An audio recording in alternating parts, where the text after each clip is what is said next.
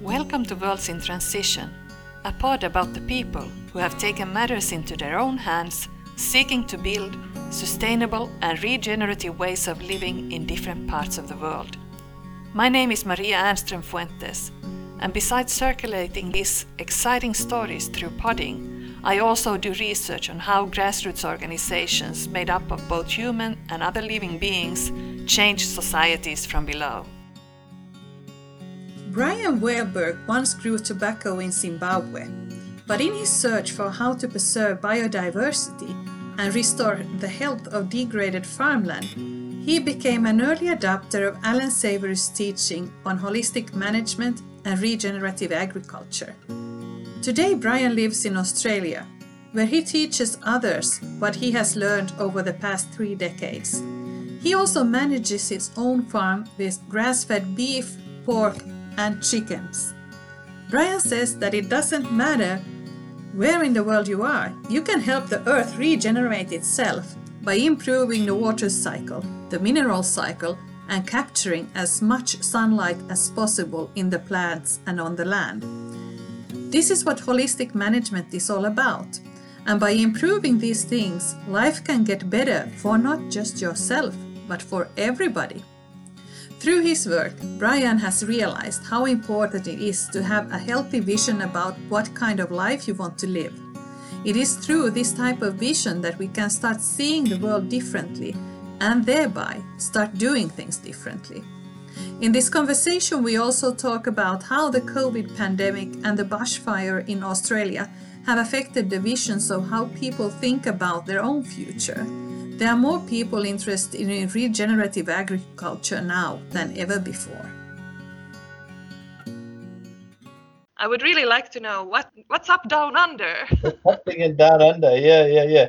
I think well, I think it's happening around the world. That um, you know, there's just this huge swing towards the whole regenerative ideology, and I think a lot of it's being driven by well, certainly in Australia, and I think that's probably why there's such a big push here, is because of the droughts, because of the fires, and now because of COVID, people are really starting to reassess what what life for them is about and really start to look at themselves, their family, their environment, and saying, well, you know, what is a good life?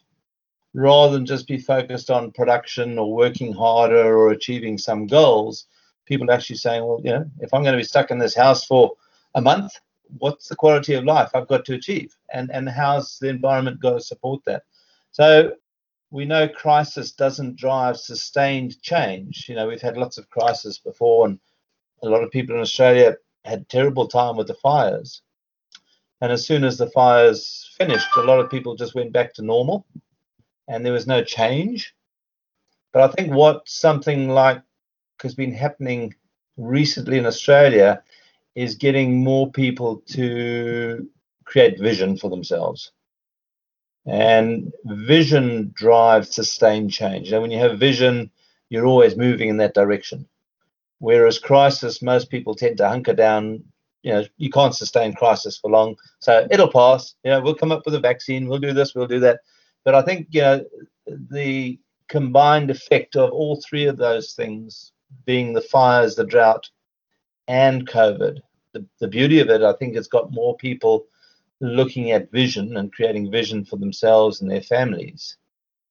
And that's going to turn the boat around. That's going to get us moving in the right direction. Um, so, you know, I think through those experiences, Australia is probably leading leading the pack in a lot of those things. Um, and I think you know Australia as a country has had it pretty easy for a, a long, long time. You know, we haven't, you know, apart from those things that I've mentioned, um, we haven't had wars or civil unrest or any of those things that, uh, again, can seriously disrail progress. I mean, I, have only been here for 20, 22 years. Um, so I was born in Zimbabwe. You know, my passion there has always been wildlife.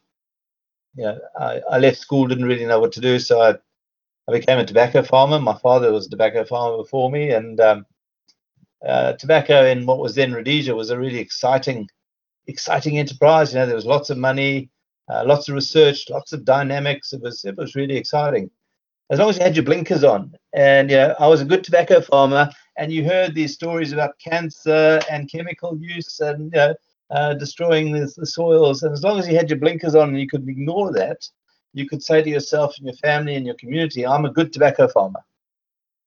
Um, but then once I became involved with holistic management, you know, you start seeing yourself as part of the environment rather than, you know, something that's given a divine right to to manipulate the environment. You, you know, you are your environment. And once you start understanding that, you know, when is it a good idea to to damage the environment? Because ultimately you damage yourself. So um, yeah, once I started becoming more holistic in my thinking, um, again, we changed huge numbers of practices. Um, I think I probably became the only organic tobacco producer in Zimbabwe.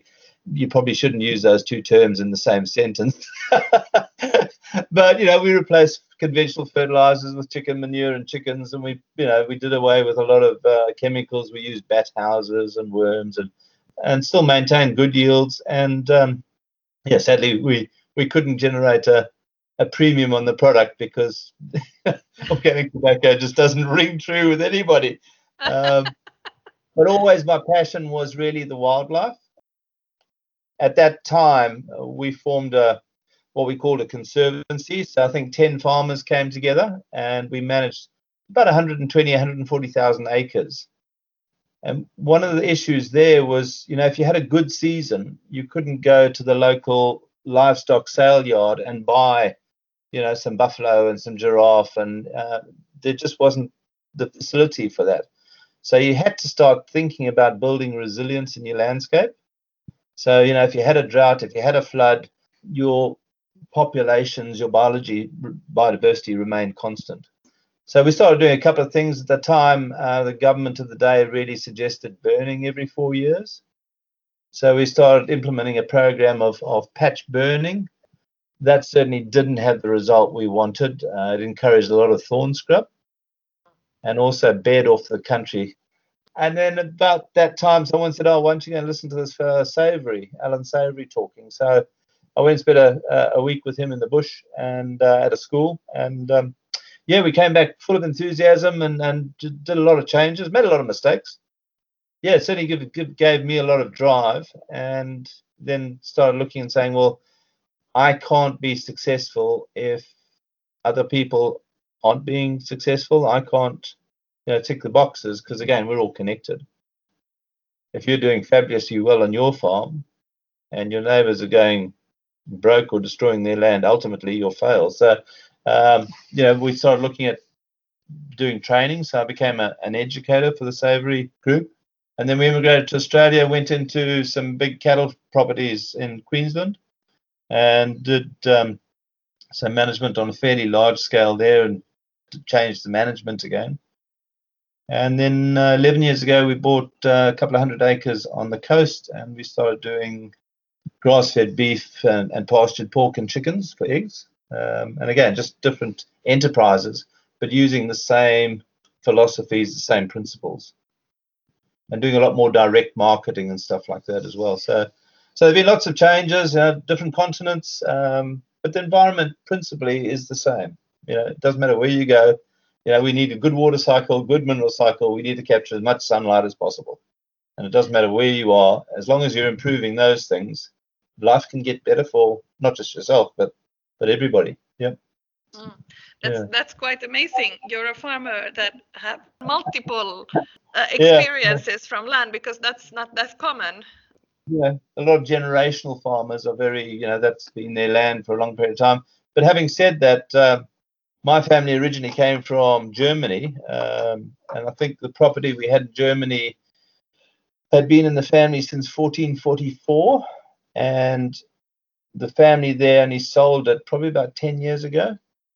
So there, has been a, a, a Wehlburg farm in Germany all that time, which again is, is quite interesting. I mean, I've never been there. I don't really have too much contact with them, but uh, you know, at some stage in our lives, I think all people have a connection to land. And sadly, today, I mean, Australia, 86% I think of the population live in towns, and we are getting that break in that connection between the land, the soil, the biology, and and people. And um, you know, a lot of people, well, in Australia, certainly, you know, most of the population, 86%, live in the towns. That's where the power is, that's where the money is, and that's where the vote is and the politics. So, um, you know, it's really important for those people in towns to start getting reconnected with that environment. And, you know, climate change has been a great vehicle for that. And in a way, so has COVID. You know, people I think are starting to think, well, I really want to put good good food in my mouth while I'm locked down in this house for the next four weeks. And um, you know, that's that's driving huge change, particularly in Australia. And uh, you know, I do a lot of driving up and down the coast here. You know, there are farmers markets popping up everywhere.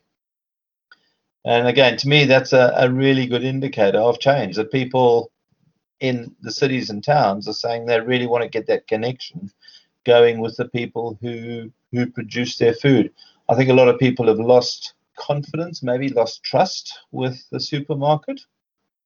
I always use pork as a as an indicator in Australia. If you if you go into major supermarkets in Australia and you read the labels on the pork products, bacon, hams, etc., um, you really struggle. There's normally you might be lucky and find one brand that uses Australian pork every single other packet there says 15% Australian product, 20% Australian product, uh, but they're not using Australian pork. That percentage is the gel, the pumping, the water, whatever they do to the product.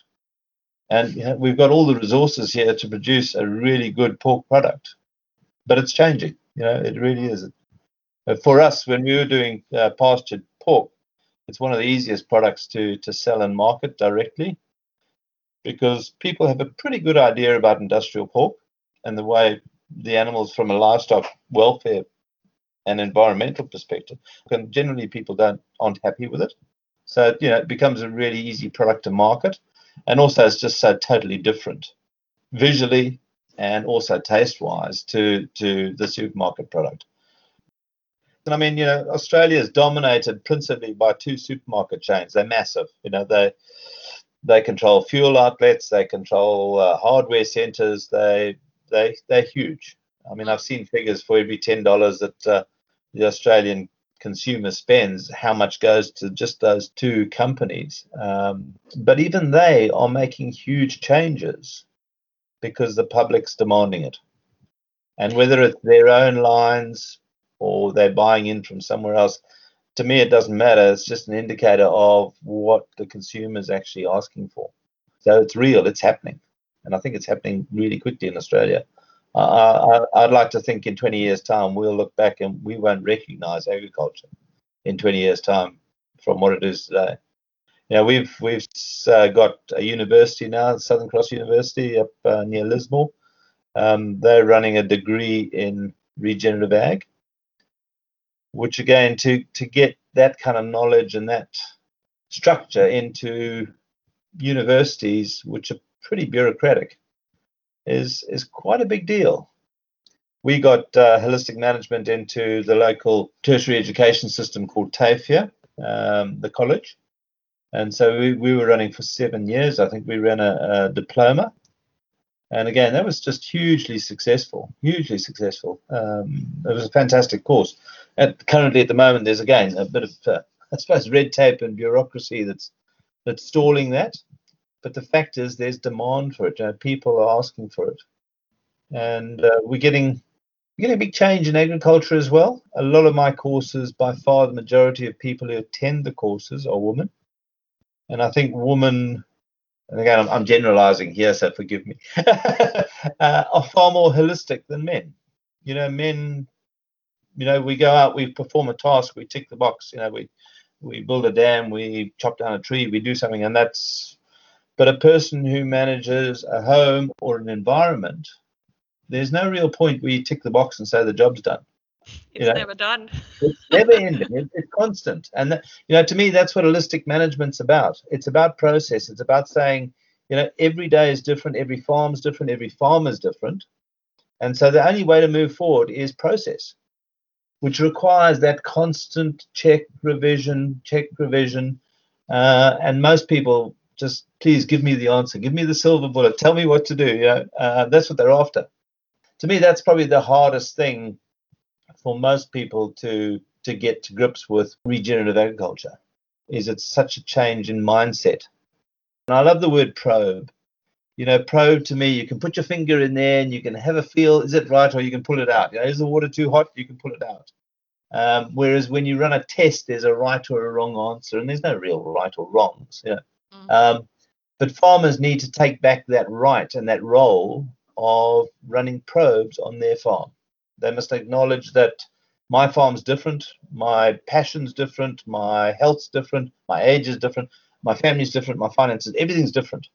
And so the farmer himself must take back that role of saying, okay, well, I'm going to trial this or I'm going to probe this and let's see how it works.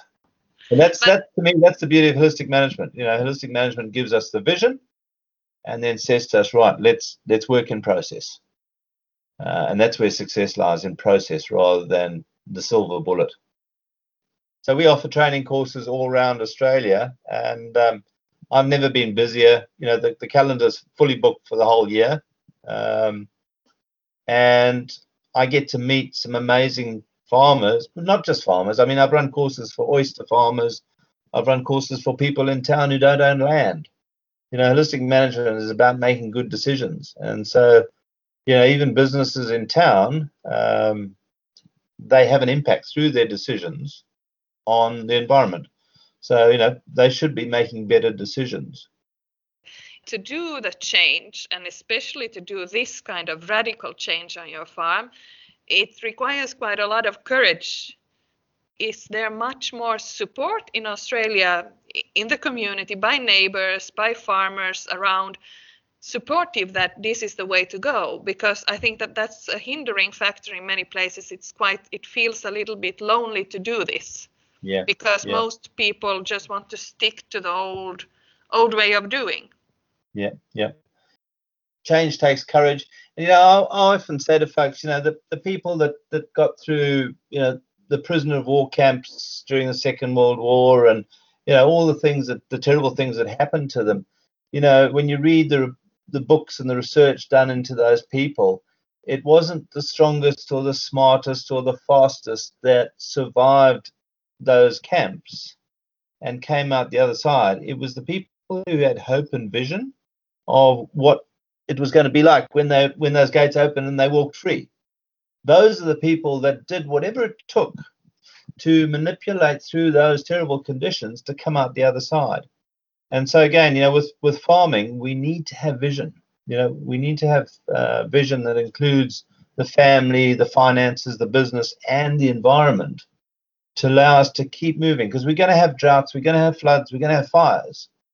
With vision, we can move through those things without them having a you know a devastating impact on us. Australia is doing doing really well, and I think you know things like the fires, like the droughts, bring people together you know, from my own experience, I mean, we had fires, what, um, 200 meters from our home. Fortunately, we didn't lose anything, but I mean, you know, thousands of houses got lost and lots of lives got lost during the fires. But during the fires, people were getting together, they were meeting. You know, I had one instance of neighbors suddenly discovering, oh, we've been neighbors for two years. We'd never met.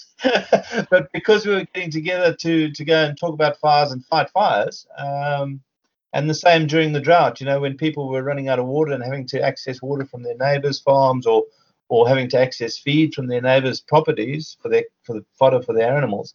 Um, we started getting that togetherness with the communities, and again, that sharing of of information and knowledge, which is just is paramount. You know, um, we need farmers to be doing more of that.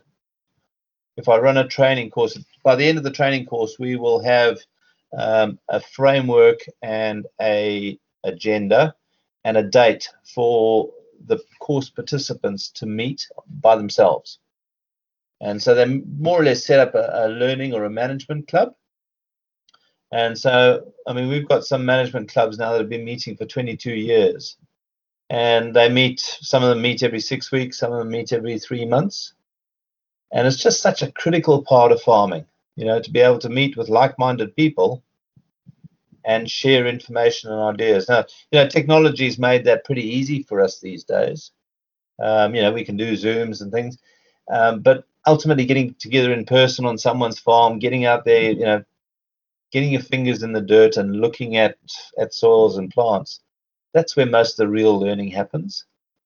You have actually gone through the process of changing land practices several times. I mm-hmm. mean, you, you already saw it in Zimbabwe, right? First time you did it. And then yeah. in Australia, at, at least twice. What are those changes that you have seen on the land with regenerative agriculture? Okay. I mentioned earlier on, you know, it's about, you know, if we if we ask the question, what sustains all life on the planet? You know, it doesn't matter what it is, whether it's an earthworm or a human, it doesn't matter. You know, what we come back to is the water cycle, the mineral cycle, the energy flow, sunlight, and the diversity of species to maintain that environment. And so, you know, once you once you start looking for those things in the environment, and most of them happen at soil surface. You know, the minute we bear off ground, we start losing losing water, we start losing sunlight, we start losing biodiversity and minerals. So uh, it's it's really easy once people know where to look to start seeing those changes. And you know, you're not waiting months and years to see that change. Literally, you can walk out of a paddock having plowed it or sprayed it or grazed it or whatever it is, and the next day you should be able to say to yourself, "Well, was that good for my environment or was it not good for my environment?" Know, and that becomes the process rather than focusing on, uh, you know, I grew two tons of hay or whatever it is. You know, it's the environment that's going to create that longevity of my vision for myself and my family and ultimately my community. We're all connected, you know. Uh, I think the more the more we the more we learn about the human gut biome and its connection to our brain, and you know, people are calling it a second brain.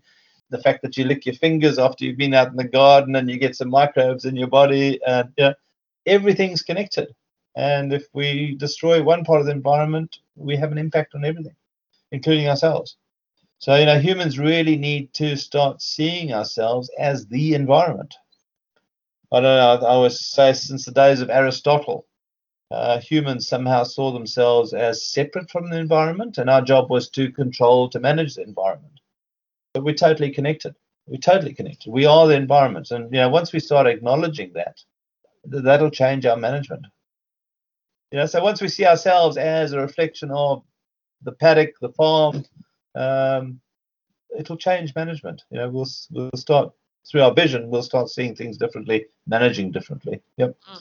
So you know, going back to what drives us through those changes. I've got three children. Um, I certainly want the world to be a better place for them, but I also want the world to be a better place for myself. You know, I have a vision of what a really good life would look like for myself. I, I want to achieve that. So, you know, whatever gets thrown at you, you work your way through that. And, and that's the power of, of vision and context. You know, humans are amazingly creative and resilient. We can do it. But only if we have vision. Otherwise, we tend to fall back and say, it's too hard. Let's just keep doing what we're doing, even if we know it's it's bad for us. But isn't it a vision also to have like a good life in the city, disconnected from the land, but living affluent life and traveling, which is maybe the driver for most of the most people today, and status and and yeah. building that career up upwards. So it is it is about getting knowledge to to those people who've become disconnected from the environment.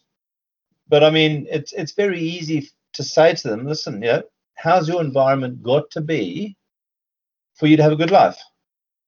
I've got to be financially secure. Okay, if you want to be financially secure, how's the environment got to be? You know, have you got to have good amounts of nutrition?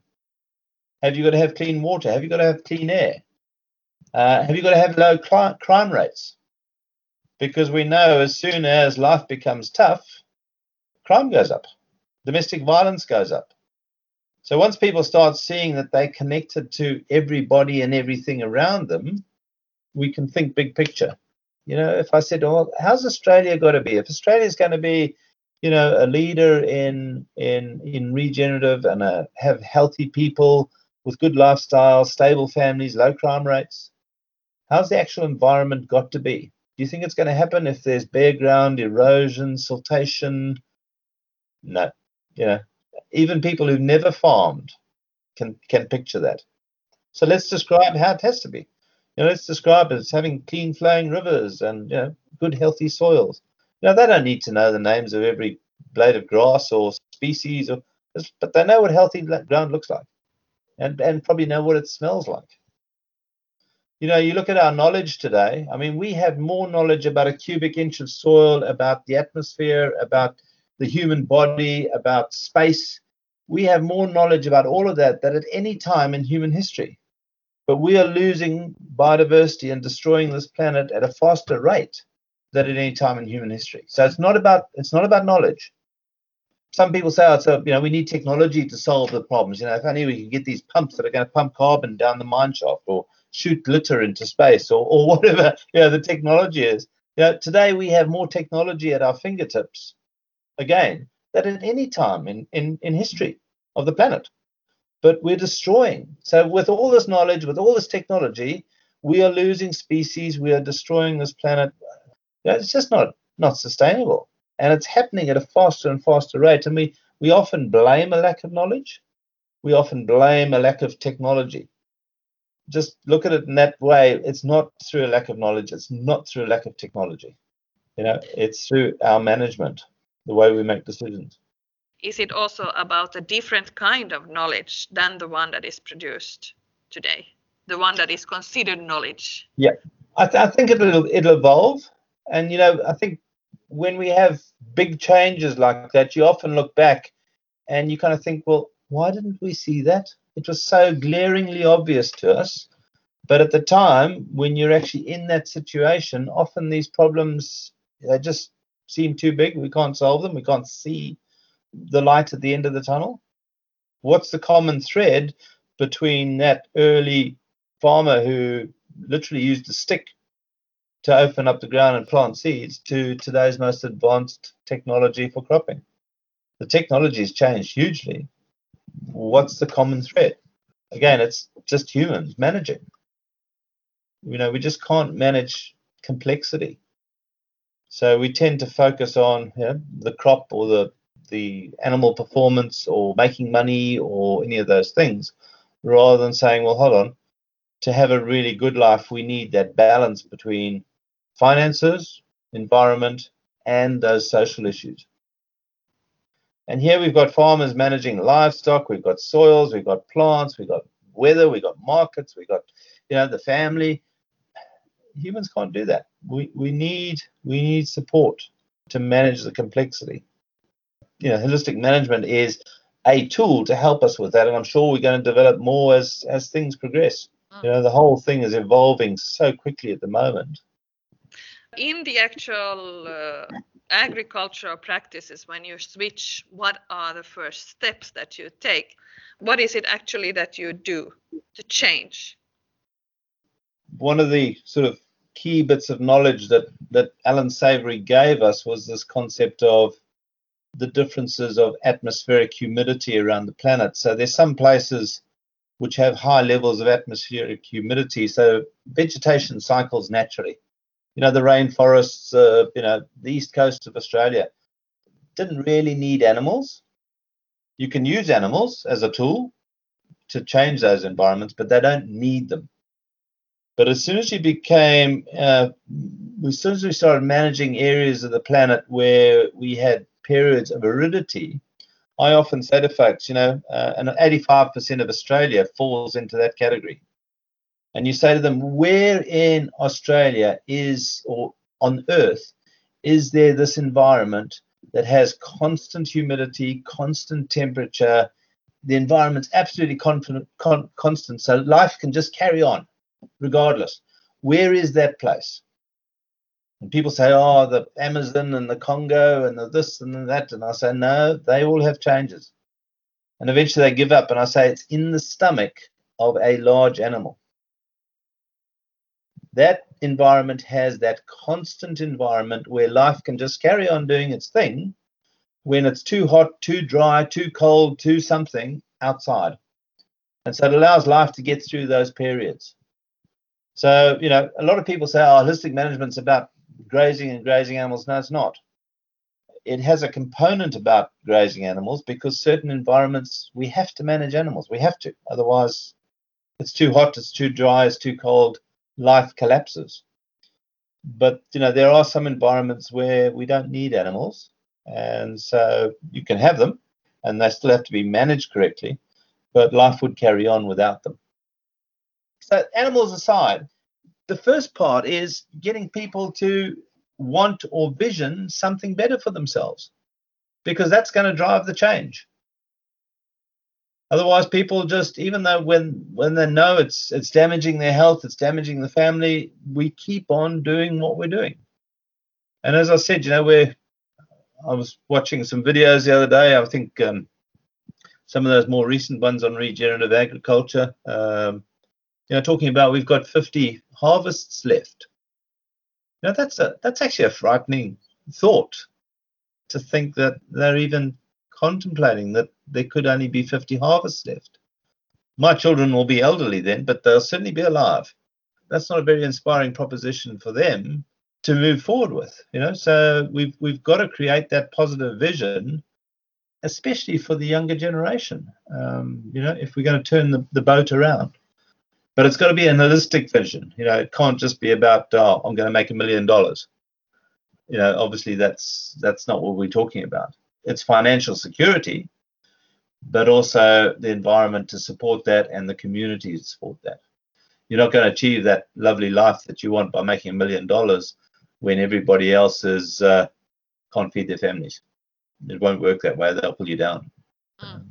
When you came back for your, from your trip with Allan Savory, you said that's when the first time that you changed your practices. What yeah. was it that you did, and how did you do it?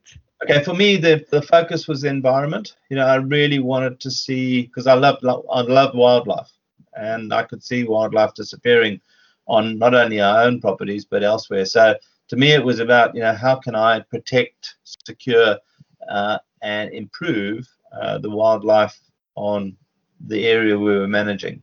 Okay, so that was again my vision of lots of animals, lots of diversity, lots of stability out there in the environment. Um, now, where we were in Zimbabwe, 26 inch rainfall area, um, but it all fell literally in three months.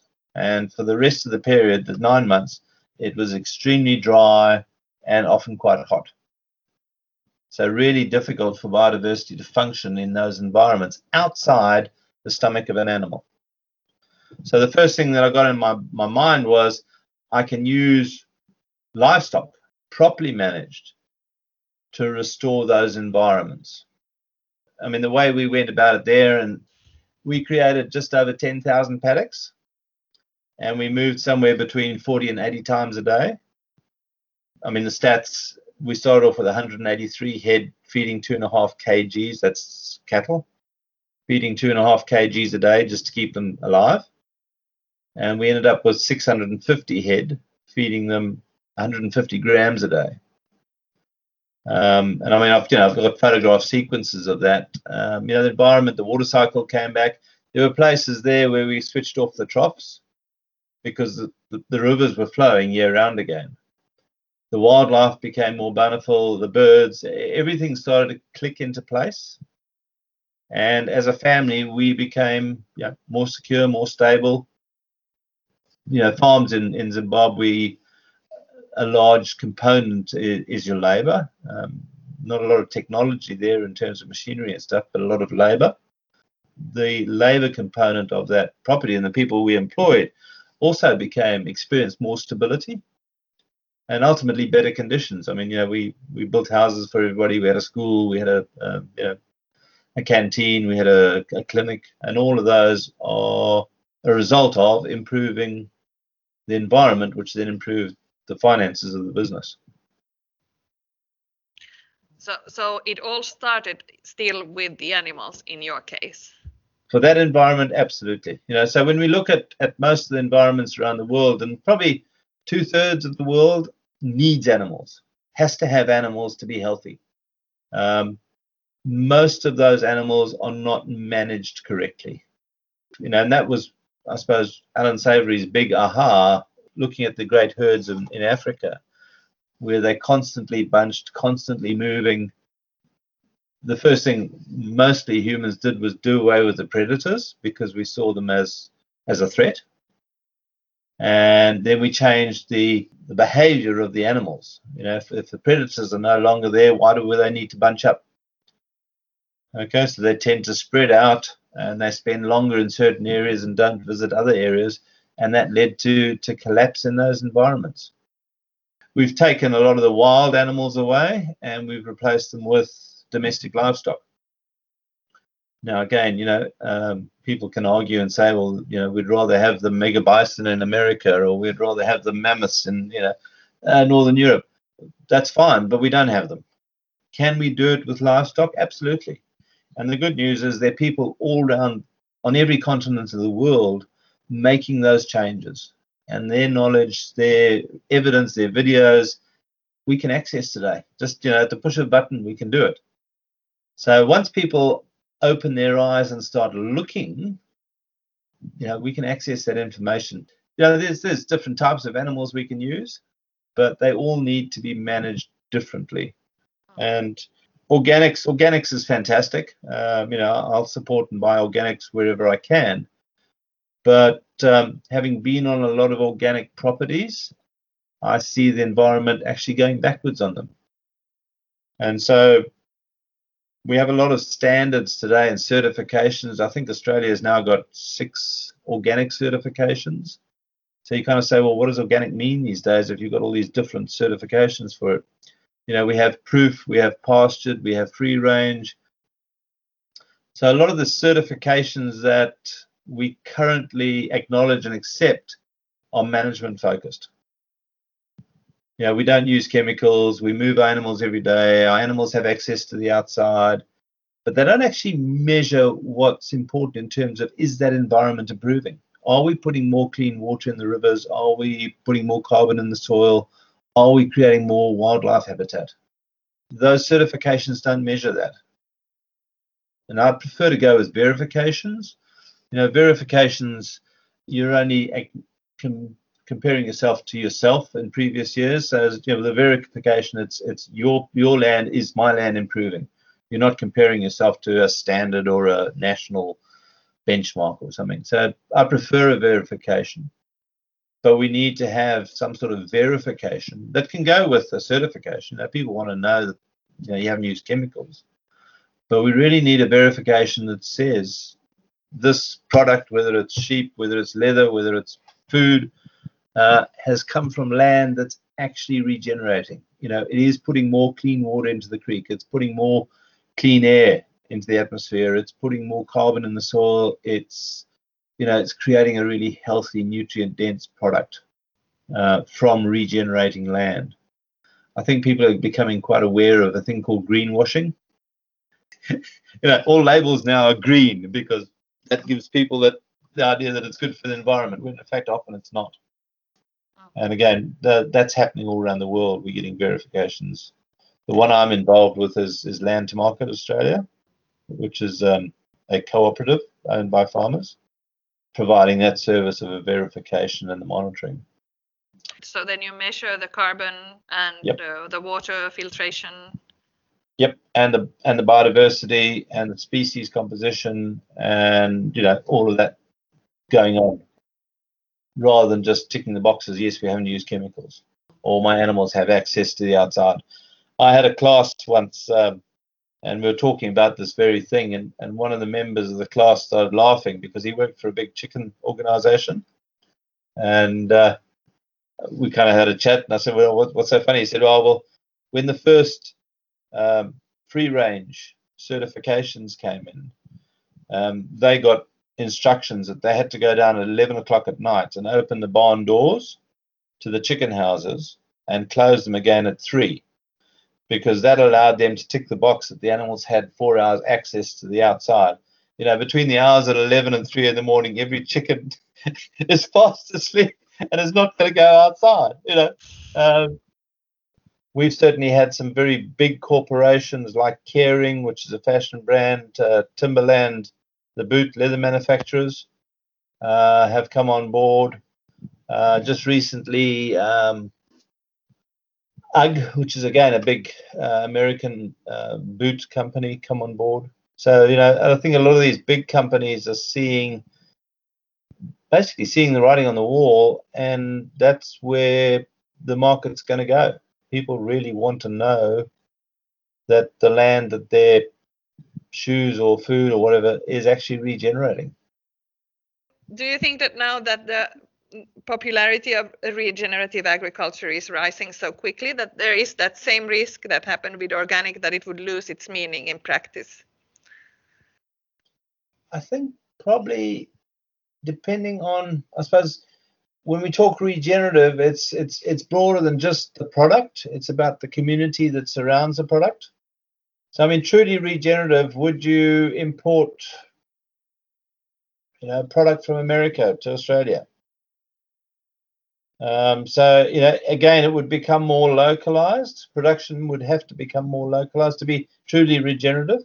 More people would be able to see what's happening rather than just relying on a certificate. So, you know, if we expanded the concept of farmers markets where people can actually go and talk to the farmer and get a sense of feeling and purpose and, and where he's at, um, we could grow that concept with that regenerative verification. Mm. So, you know, you're sure there's a risk there. Um, you know, people are out there trying to create marketing advantage but I think if we if we sort of uh, made it more local, uh, that would overcome a lot of those problems. Then again, with these big players like Timberland and other coming in, they are global companies that are sourcing globally and they're producing globally. So, is there even a possibility for those to localize? And even if you think the ownership there, it's a little bit complex. Oh, so yeah, can, yeah, can, can we do it at a scale of economy of scale in the global economy that today exists? Can we turn the ship around? I think we can absolutely. Um, you know, and again, it's we're not going to do it 100%, but if we can get every year, if if that local economy can grow by you know five or 10%, those big players will suddenly see the advantage to being able to put on their products that you know these boots the leather of these boots was came from people down the road from you. You know the big companies will be driven by what the consumer wants at the end of the day. And that's why i think they're coming on board because they can see the consumer wants a truly regenerative product that's really doing what it says it does they're going to be able to say, well, yes, this leather has come from down the road. Um, the rubber that produced the soles came from here. It's not. It's not about saying, uh, you know, stop at 100%. I don't think we'll ever do that. You know, people still want a good life. People still want convenience. They still want all those things. But we can certainly start making huge strides. And I think the more we do, the more we can see that we can do. Mm. Um, you know, revolutions don't start with big companies. They don't start with governments. They start with individuals like you, me, like farmers that come on our training, making that change for themselves and their families. And when we hit that critical mass, you know, somewhere between 15 and 18 percent of people doing it differently, uh, then the system will tip, and then eventually governments and big companies will, will come on board. But it needs individuals, you know, mothers, parents, children making that change. And yeah, I don't know. I've got three kids, and and they certainly, um, I think, make different de- decisions and communicate a lot more differently to the way I did. And I think they're a lot more in touch with a lot of their feelings than certainly myself and I think my generation were. Um, you know, they'll talk to me about their feelings, which ultimately drive their decision making. Whereas I think uh, the older generation, and there's a lot of culture to it as well, uh, we often were taught to suppress feelings, and you know that's that's had a huge impact on our decision making. You know, um, if we want to feel good and happy, and we actually don't really know what that looks like, the chances are you're not going to make decisions towards it.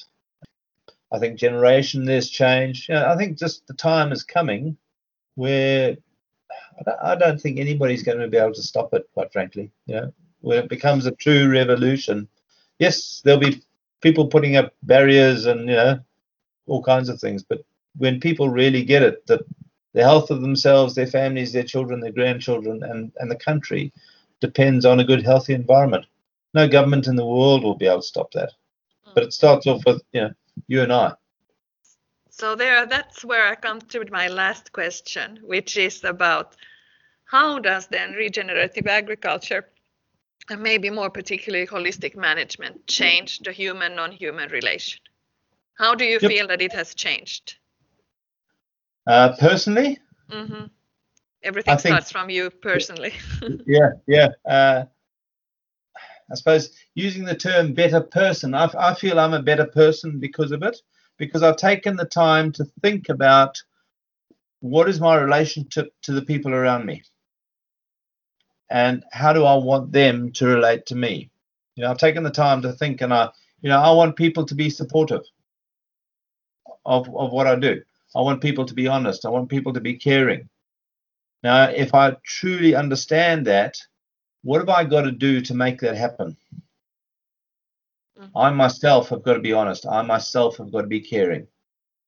And so for me, that's what it's done. It's, it's I believe it's made me a better person, and I feel more in touch with the people around me, and I also feel far more in touch with the environment. You know, I, I I can see myself as being the environment rather than you know it's over there and we manipulate it to some advantage to me that's what it's about. It's about getting that deep connection and understanding which again relates to vision. You know once you can picture how that looks uh, you'll make it happen. You'll make it happen. Can you still give me a timeline? When was it that you came in contact with Allan Savory's work? um that would have been about i don't know 86 i suppose 87 maybe? Um yeah You're Yeah. one of the early, really early movers then.